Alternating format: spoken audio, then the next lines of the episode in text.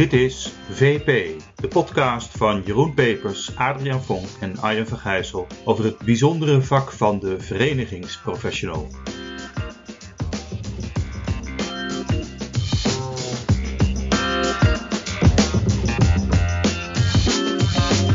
Dag luisteraars, hartelijk welkom in weer een nieuwe aflevering van onze podcast waarin we vandaag weer eens iemand ontvangen uit de hoek van de wetenschap. En dat is niemand minder dan Bert Frausen.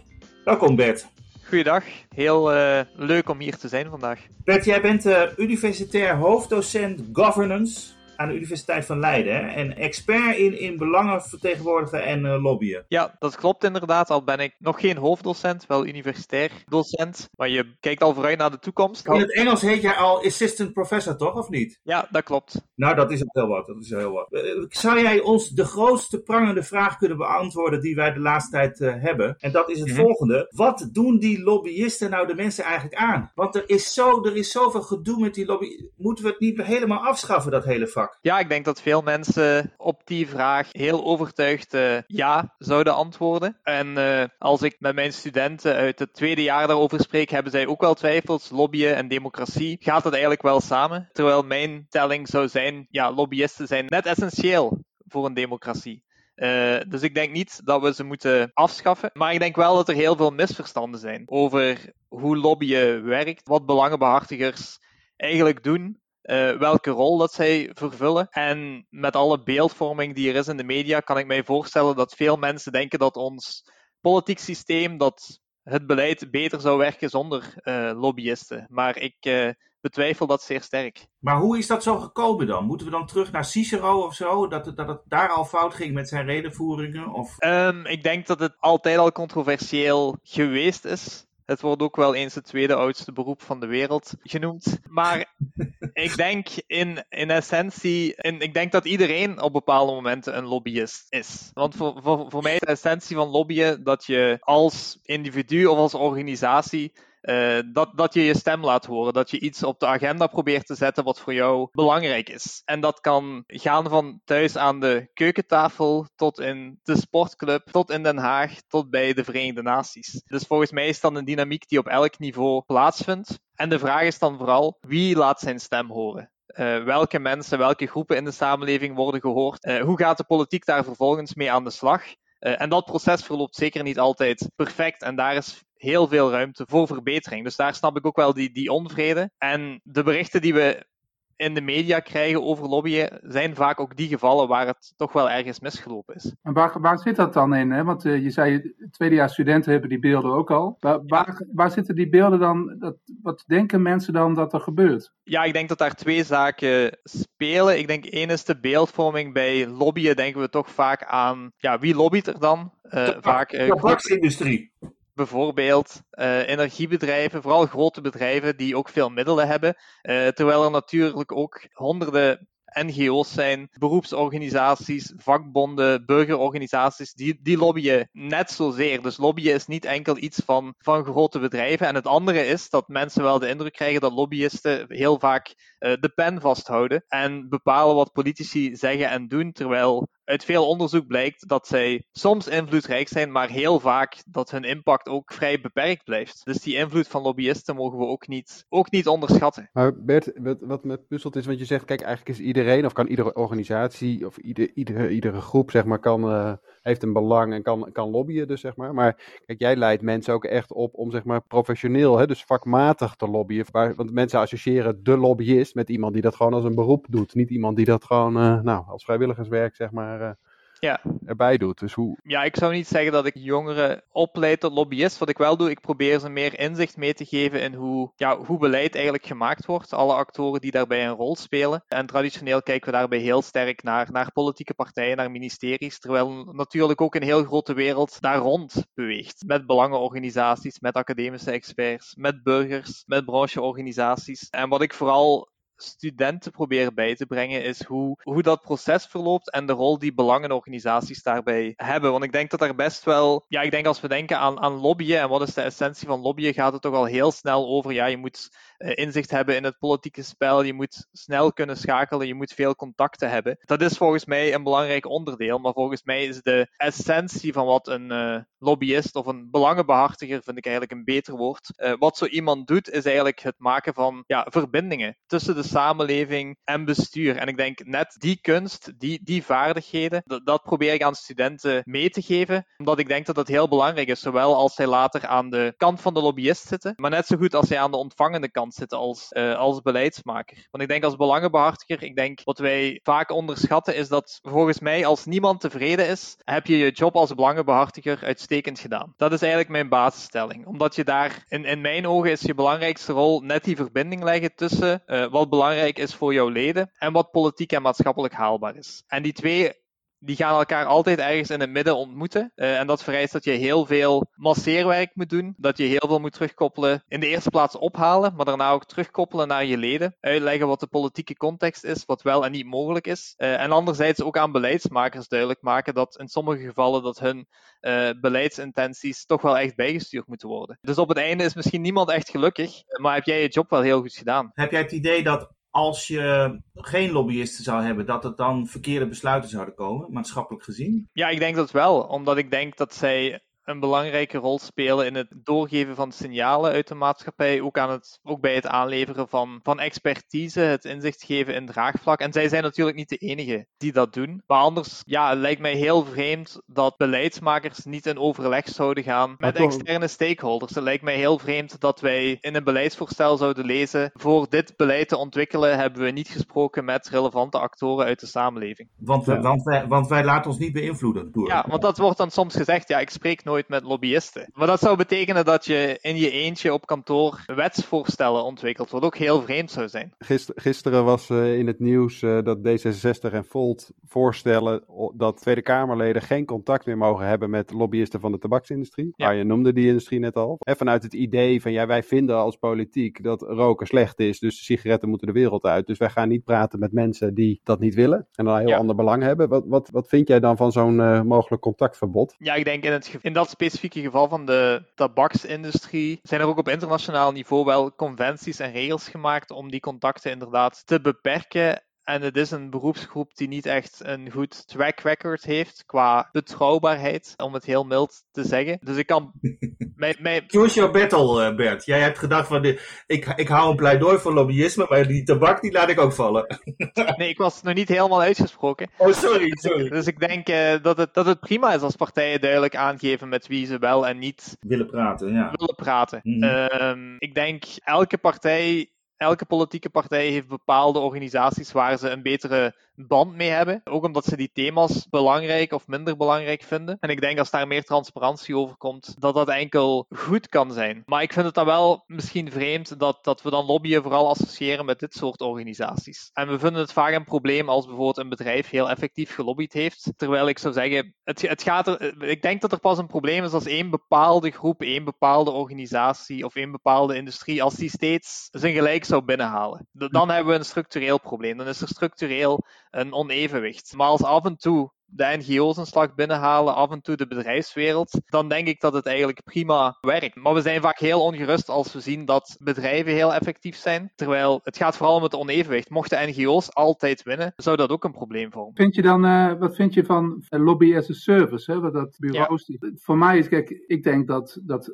die, die, die doorgeschoten professionaliteit heeft, in mijn woorden, waarbij je geen connectie meer hebt met de, de belangen die je vertegenwoordigt, dat dat irritatie opwekt. Hè. Dat, dat ja. is mijn... Uh... Ja, dat hangt er natuurlijk vanaf hoe je die service dan definieert, maar ik ben het eens met je analyse dat ik denk de grote kracht van brancheorganisaties, van ledenorganisaties, is net dat zij uh, een goede relatie hebben met een achterban. Dat ze ook daarin investeren om goed te weten wat, er leeft bij hun leden, dat ze dat goed vertalen naar het politieke toneel. Als de focus verschuift naar uh, vooral het, het, het, goed communiceren, het vooral aanwezig zijn in Den Haag. En als de band met die achterban losser wordt, dan verlies je volgens mij een heel groot deel van de toegevoegde waarde die zo'n ledenorganisaties kunnen hebben. Dus daar, daar ben ik het wel mee eens. En ik denk dat dat wel een gevaar inhoudt, want dan kan je als beleidsmaker ook terecht de vraag stellen: goed, in wiens naam spreek je eigenlijk? Hoe kan je eigenlijk garanderen dat je spreekt in naam van je achterban? En als daar meer vraagtekens bij geplaatst worden, opent dat ook ruimte voor andere organisaties en individuen om die plaats in te nemen. Ja, blijkt ook wel uit onderzoek, hè? Hè, dat,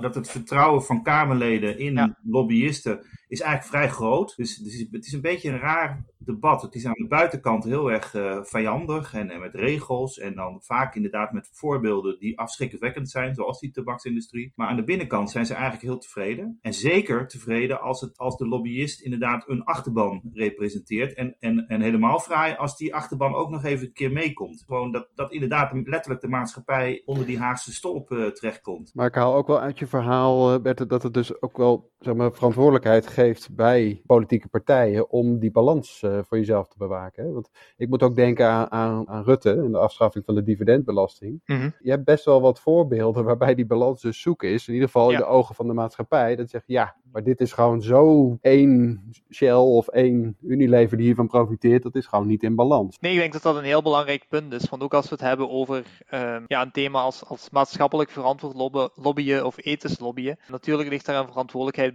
bij de lobbyist, maar net zo goed bij, uh, bij de politici. Zij kunnen ook agenda's beter openbaar maken. Zij kunnen ook in wetsvoorstellen beter toelichten met welke stakeholders er allemaal overlegd is. Uh, en op die manier krijg je wel al iets meer transparantie over het gehele proces. En misschien nog het meest belangrijke, de manier waarover er over lobbyen gesproken worden. Want het zit bij ministers, parlementsleden, maar net zo goed bij ministeries. Daar wordt ook continu overleg met allerlei actoren. Maar als de suggestie wordt gemaakt dat dat gebeurt, dan wordt er bijna meteen moord en brand geschreven. Terwijl het ja. natuurlijk ook bizar is dat ministeries niet in overleg zouden gaan met al die organisaties. Nou Bert, wij, wij zien nu eigenlijk de laatste jaren steeds meer allianties. Hè, van, dus dat is onze waarneming. Van, uh, van groepen van branches mm-hmm. of partijen die uh, samen optrekken. Is dat een uh, juiste waarneming of, of is dat al iets van alle tijden? En wat zijn de plussen en minnen daar eigenlijk van? Ja, ik heb het zelf niet in kaart gebracht. Maar ik denk zeker als we kijken naar ja, verkiezingstijden, dan is het aantal allianties en coalities echt zeer talrijk. Dus het is zeker wel een trend. En ik denk dat het wel aansluit bij de behoefte van beleidsmakers om te kunnen inschatten in welke mate is er ergens een draagvlak voor. Zo'n brede coalitie is natuurlijk een heel krachtig signaal om aan te tonen dat er een groot maatschappelijk draagvlak is. Als je erin slaagt om, om heel de sector en verschillende belangen binnen een sector, om die samen te brengen, een plan of een standpunt naar voren te brengen, dan is dat heel krachtig en kunnen beleidsmakers dat bijna niet naast zich neerleggen. Dus ik denk dat dat heel, heel waardevol is. Ik denk dat het soms ook makkelijker is om de krachten buiten de politiek te verenigen. Uh, dan de krachten binnen de politiek samen te brengen. Dus ik denk dat dat, dat te kaderen is aan de behoefte aan, of, of dat maatschappelijk draagvlak zo belangrijk is, ook dat politici er steeds gevoeliger voor worden en dat ze dat steeds beter proberen in te schatten. Wat de risico's wel zijn natuurlijk, is als je zo'n grote coalitie hebt, dan, dan is de vraag natuurlijk, komt elke organisatie die daarin betrokken is, komt die nog goed tot zijn recht? Is die nog voldoende zichtbaar? Komen de specifieke deelbelangen ook goed tot uiting. Is er echt zo'n breed draagvlak of is het eigenlijk een soort... Slap compromis. Een slap compromis. uh, of een poging tot agendasetting, wat ook kan natuurlijk. Dat veel organisaties wel het thema wonen bijvoorbeeld hoog op de agenda van het kabinet willen krijgen. Maar als het daar één keer staat, uh, hebben we dan nog zo'n brede coalitie? Kunnen die organisaties dan nog samen optrekken? Dat blijkt in de praktijk toch vaak heel moeilijk te zijn. Dus ik denk dat het een heel krachtig instrument is op het vlak van agendasetting. Daarna effectief mee beleid te gaan vormgeven en in overleg te gaan met, met ministeries. Uh, dan wordt het vaak al veel complexer. Zou het kunnen dat, omdat de politiek zelf zo fragmenteert, hè, met zoveel fracties op dit moment in de Kamer, dat dan de, de tegenreactie uit de maatschappij is dat ze juist gaan klonteren, om, zodat hè, dat draagvlak inderdaad, zoals jij zegt, niet genegeerd kan worden? Ja, ja dat, dat speelt zeker ook een grote rol. De tijd dat je met goede relaties met één of twee partijen grote stappen vooruit kon zetten, die is ook voorbij. Dus, dus je moet op een of andere, andere manier die krachten samenbrengen. En vanuit ja, het standpunt van belangenorganisaties bekeken, is dat, dat natuurlijk ook een manier om te vermijden dat je uit elkaar gespeeld wordt. Want als je allemaal apart zou gaan spreken, dan is er ook het risico dat je door beleidsmakers toch weer uit elkaar gespeeld gaat worden. Ja. Hey, er is een ander debat in de, in de klassieke brancheorganisaties en dat is de omgang met belangengroepen. Die zeg maar soms heel, hè, ook door social media in één keer op kunnen komen en zich dan presenteren. Hoe disruptief is dat eigenlijk, denk jij, voor de klassieke branche- en, en belangenorganisaties? Ja, dat is een super boeiende vraag. Ik denk dat heel veel klassieke brancheorganisaties dat als heel disruptief beschouwen. Ik merk ook dat zij vaak heel jaloers kijken naar, naar organisaties of individuen die heel goed gebruik maken van sociale media. En ik denk dat het wel een heel grote uitdaging vormt. Ehm, omdat het lijkt erop dat vandaag, als je wilt meetellen als brancheorganisaties, dat je op, ook, op die kanalen heel actief aanwezig moet zijn. Uh, alsof de, de ijzeren wet is, ik ben zichtbaar, dus ik besta. Dus je moet aanwezig zijn in het publieke debat, aanwezig zijn op sociale media, je moet aantonen als organisatie wat is je maatschappelijke meerwaarde. En daardoor krijg je veel klassieke organisaties die ook gaan proberen uh, ja, misschien meer, meer activistisch, meer een breder publiek aan te spreken. Maar je merkt toch dat de, de organisaties die dat echt goed doen, die volgen toch vaak iets meer een, een issue-logica. Die proberen toch vooral een thema op de agenda te zetten. En volgens mij is dat een andere manier van werken dan een meer klassieke brancheorganisatie, die volgens mij toch meer in een vertegenwoordigingslogica zit.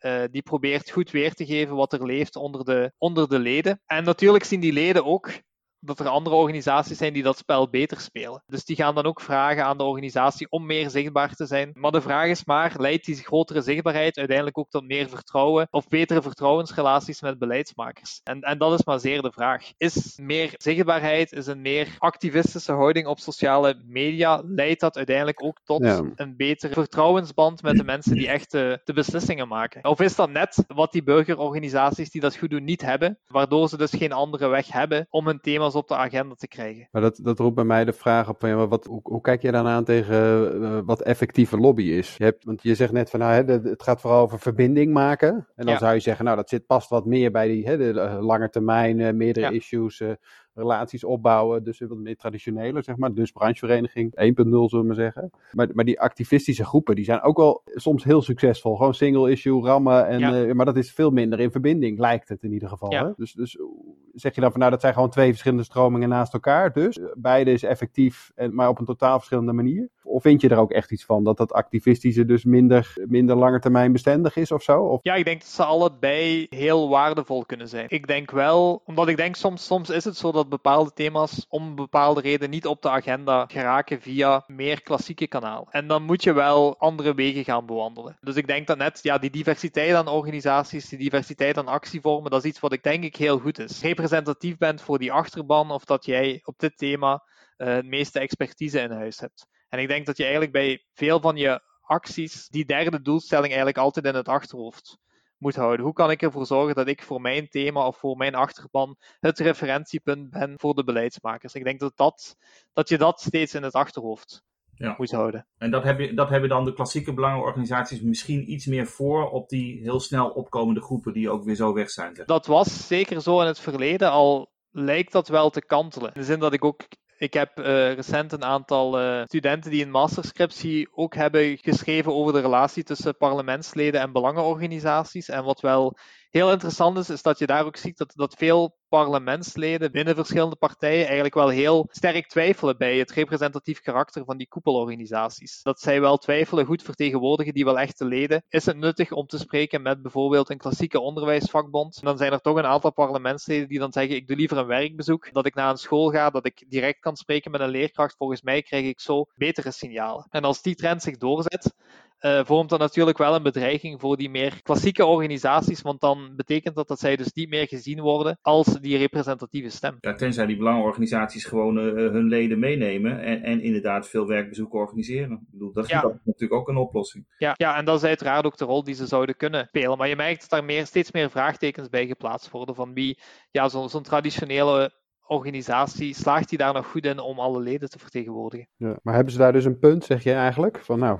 dat, dat klopt. Dus de, de brancheorganisaties vertegenwoordigen ook minder hun leden? Of is daar iets misgegaan? Of hoe, hoe zie je dat? Dat is een moeilijke vraag, omdat ik zou zeggen, dat wordt, heel, dat wordt makkelijk gezegd dat brancheorganisaties de voeling met hun achterban verloren hebben. Terwijl als je kijkt naar onderzoek naar, naar ledenbetrokkenheid, en als, ik heb ook ja, de afgelopen jaren heel veel interviews gedaan met belangenbehartigers, net over hoe zij dat in de praktijk brengen. En dan merk je wel dat net ja, het betrokken houden van leden die op een goede manier vertegenwoordigen, dat is echt wel prioriteit 1, 2 en 3 van heel veel ledenorganisaties.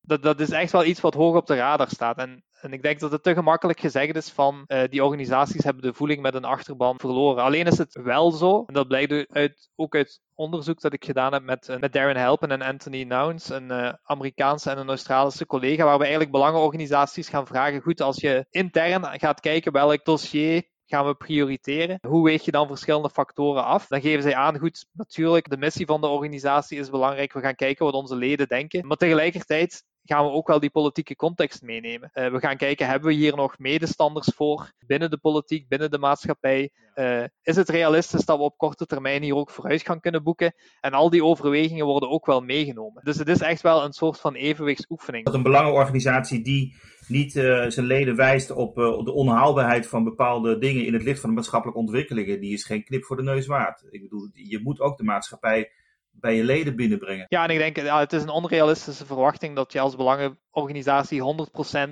van wat je leden willen kan gaan realiseren en daarvoor kan gaan, gaan, gaan lobbyen.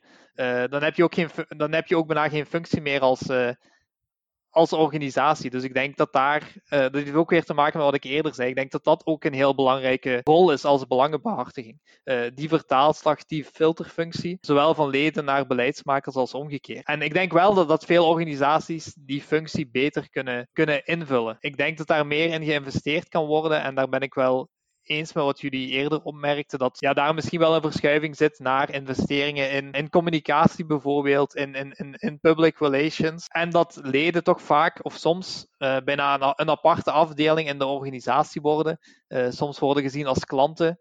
Uh, dat sterk de focus ligt op dienstverlening. Terwijl ja, net die verbinding tussen wat leden belangrijk vinden, tussen de signalen die zij geven en het politieke spel, ja, die verbinding is cruciaal. En de vraag is wie neemt dat dan op binnen de organisatie als dat aparte afdelingen zijn. Heb je, heb je nou, Bert, heb je nou ook beelden van als je naar de studenten kijkt, die tweedejaars studenten, wat voor type mensen zouden dat nou goed kunnen, die belangbehartiging? Zie, zie je dat gebeuren die, of zie je alleen uh, gewoon ijverige studenten in, uh, in de collegezaal? Um, ik zie veel ijverige studenten in de collegezaal, dat zeker. Vooral bij jouw colleges. ja, vooral bij mij.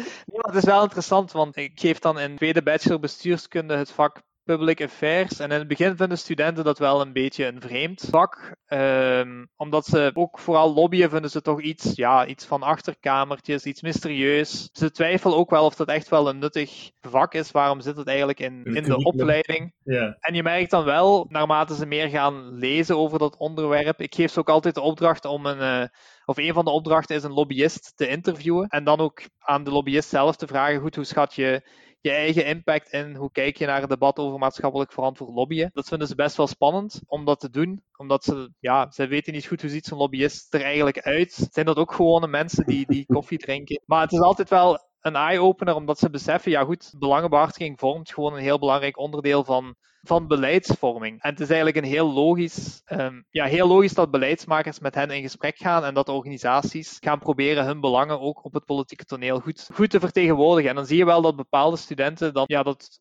hun ogen wel een beetje open gaan en dat zij wel getriggerd worden door die wereld. Want het is een heel boeiende rol die je hebt als belangenbehartiger. Hier is toch wel een punt. Hè? Jij zegt die studenten die, hebben, die moeten dat echt eventjes uh, uh, ja, mee in aanraking worden. Hoe, hoe is dat bij jou dan gegaan? Want jij bent een man die, man, jij bent helemaal gepassioneerd van dat vak. Ja. Jij organiseert een nacht van de lobby. Dat is zo'n beetje de nacht van de poëzie, maar dan in het lobby. Ja, ja dat klopt. Hoe, waar is de, waar zijn jou, liggen jouw roots daarin dan? Ja, hoe ben ik erin gerold? Uh, ik denk dat ik het altijd wel een heel boeiend thema vond en dat ik altijd wel heel geboeid ben door de, ja, de tussenruimte tussen samenleving en politiek. Uh, dus of dat dan gaat over burgers die zich engageren of brancheorganisaties. Ja, die tussenwereld heeft mij altijd enorm geboeid. Aan de hand van concrete voorbeelden ook? Ja, dat is moeilijk om daar een concreet voorbeeld van te benoemen. Ik denk, ik denk wat, bij mij misschien de drijver is, is dat we toch heel sterk de focus hebben. Ofwel kijken we heel sterk naar de politieke arena, het kabinet, het parlement. Ofwel kijken we heel sterk naar individuele burgers. Terwijl heel die wereld ertussen van organisaties, die is niet gigantisch groot, maar er zijn wel makkelijk duizenden organisaties in Nederland. Die zijn dagelijks bezig met het samenbrengen van mensen, het samenbrengen van belangen, die belangen goed vertegenwoordigen. En ik voor mij is dat gewoon zo'n essentieel onderdeel van een democratie. Dat is niet het enige onderdeel, uh, maar wel een heel belangrijk dat dat volgens mij veel te weinig aandacht krijgt. Dan probeer ik wel als wetenschapper ja, dat onderbelicht aspect van democratie, van bestuur, dat meer in de kijker te plaatsen. En ik vond het ook bijzonder jammer dat dat vaak werd gezegd van ja, belangenvertegenwoordiging. Uh, daar, weten we eigenlijk niet veel over, daar gebeurt niet veel onderzoek naar. Dat was 20 jaar geleden misschien zo, maar de afgelopen 10, 15 jaar uh, wordt er ook steeds meer onderzoek naar gedaan. En hebben we daar echt wel meer kennis over. En dat is ook een van de redenen dat ik de, de Nacht van de Lobbyist georganiseerd heb samen met een public affairs bureau, net om die wetenschap en praktijk samen te brengen, uh, om die kennis wat meer naar voren te halen en ook om discussies te hebben over de, ja, de negatieve connotatie van lobbyen die er echt wel, wel is. Maar volgens mij kan het enkel verbeteren door er meer over te, spreken, door er meer inzicht in te geven. En ja, jullie podcast is daar ook uh, ja, een heel mooi voorbeeld van. Ja, nou dat vind ik een hele mooie afsluiting, Bert. Want je zegt eigenlijk negatieve connotaties be bewerk je door erover te spreken. En dat is inderdaad wat we doen. Is er, nog een vraag, is er nog een vraag die wij absoluut gemist hebben, waarvan je zegt, dat moet ik nu kwijt? Ja, ik denk je ging in op, ja, het is ook een belangrijke verantwoordelijkheid van beleidsmakers, hoe zij hiermee omgaan. En de vraag is natuurlijk goed, hoe kan je als beleidsmakers goed stakeholders identificeren, samenbrengen. Ik denk dat dat ook een vraagstuk is waar we te weinig mee bezig zijn en dat nu heel vaak eenvoudige oplossingen naar voren worden geschoven, zoals er moet meer transparantie zijn of we moeten meer consultaties via internet doen, want dan kan iedereen deelnemen, dan is het open, dan is het toegankelijk. En ik denk dat als we die weg opgaan, dat het resultaat nog slechter zou kunnen zijn dan de situatie dat we nu hebben. Ik denk dat de deur gewoon openzetten en het licht aansteken, dat gaat de fundamentele problemen niet oplossen. Uh, want dat heeft te maken met een ongelijk speelveld, dat sommige organisaties echt wel moeilijk de weg naar Den Haag vinden. Of als ze daar zijn, dat ze moeite hebben om een boodschap goed over te brengen en op te volgen. Uh, ik denk als we daaraan willen werken, dan gaan we ja, met, met meer structurele oplossingen moeten komen en gaan beleidsmakers daar ook bewust meer energie in moeten steken, want het gaat meer tijd vragen. Het is niet mogelijk om het proces efficiënter te organiseren en tegelijkertijd een gelijker speelveld uh, te creëren. Ik denk dat dat een illusie is. Erg interessant, want jij, ik zag ook dat jij masterclasses geeft op het ministerie. Hè? Dus, dus je, je, je, doet niet, niet alleen, je leidt niet alleen mensen op om te beïnvloeden, maar ook de partij die beïnvloed wordt, die geef jij eigenlijk ook les. En, en dat zal hierover gaan, denk ik dan. Ja, nee, dat klopt. Omdat ik denk, ja, er zijn twee kanten aan belangenvertegenwoordiging. Er is de kant die belangen samenbrengt. Uh, de, de ledenorganisatie. En aan de andere kant is er natuurlijk de persoon waarmee je in gesprek gaat, die met meerdere belangenorganisaties in gesprek gaat en uiteindelijk die belangen gaat afwegen. Uh, dus ik denk dat het voor beide partijen essentieel is om meer inzicht te hebben in wat, hoe zien beide werelden eruit. En hoe kan je die twee werelden beter samenbrengen. Ja, hartstikke goed. Bert, uh, heel veel dank voor dit gesprek. Met, uh, met op zichzelf weer interessante inzichten. voor de luisteraar, bedankt voor het luisteren en tot een volgende keer.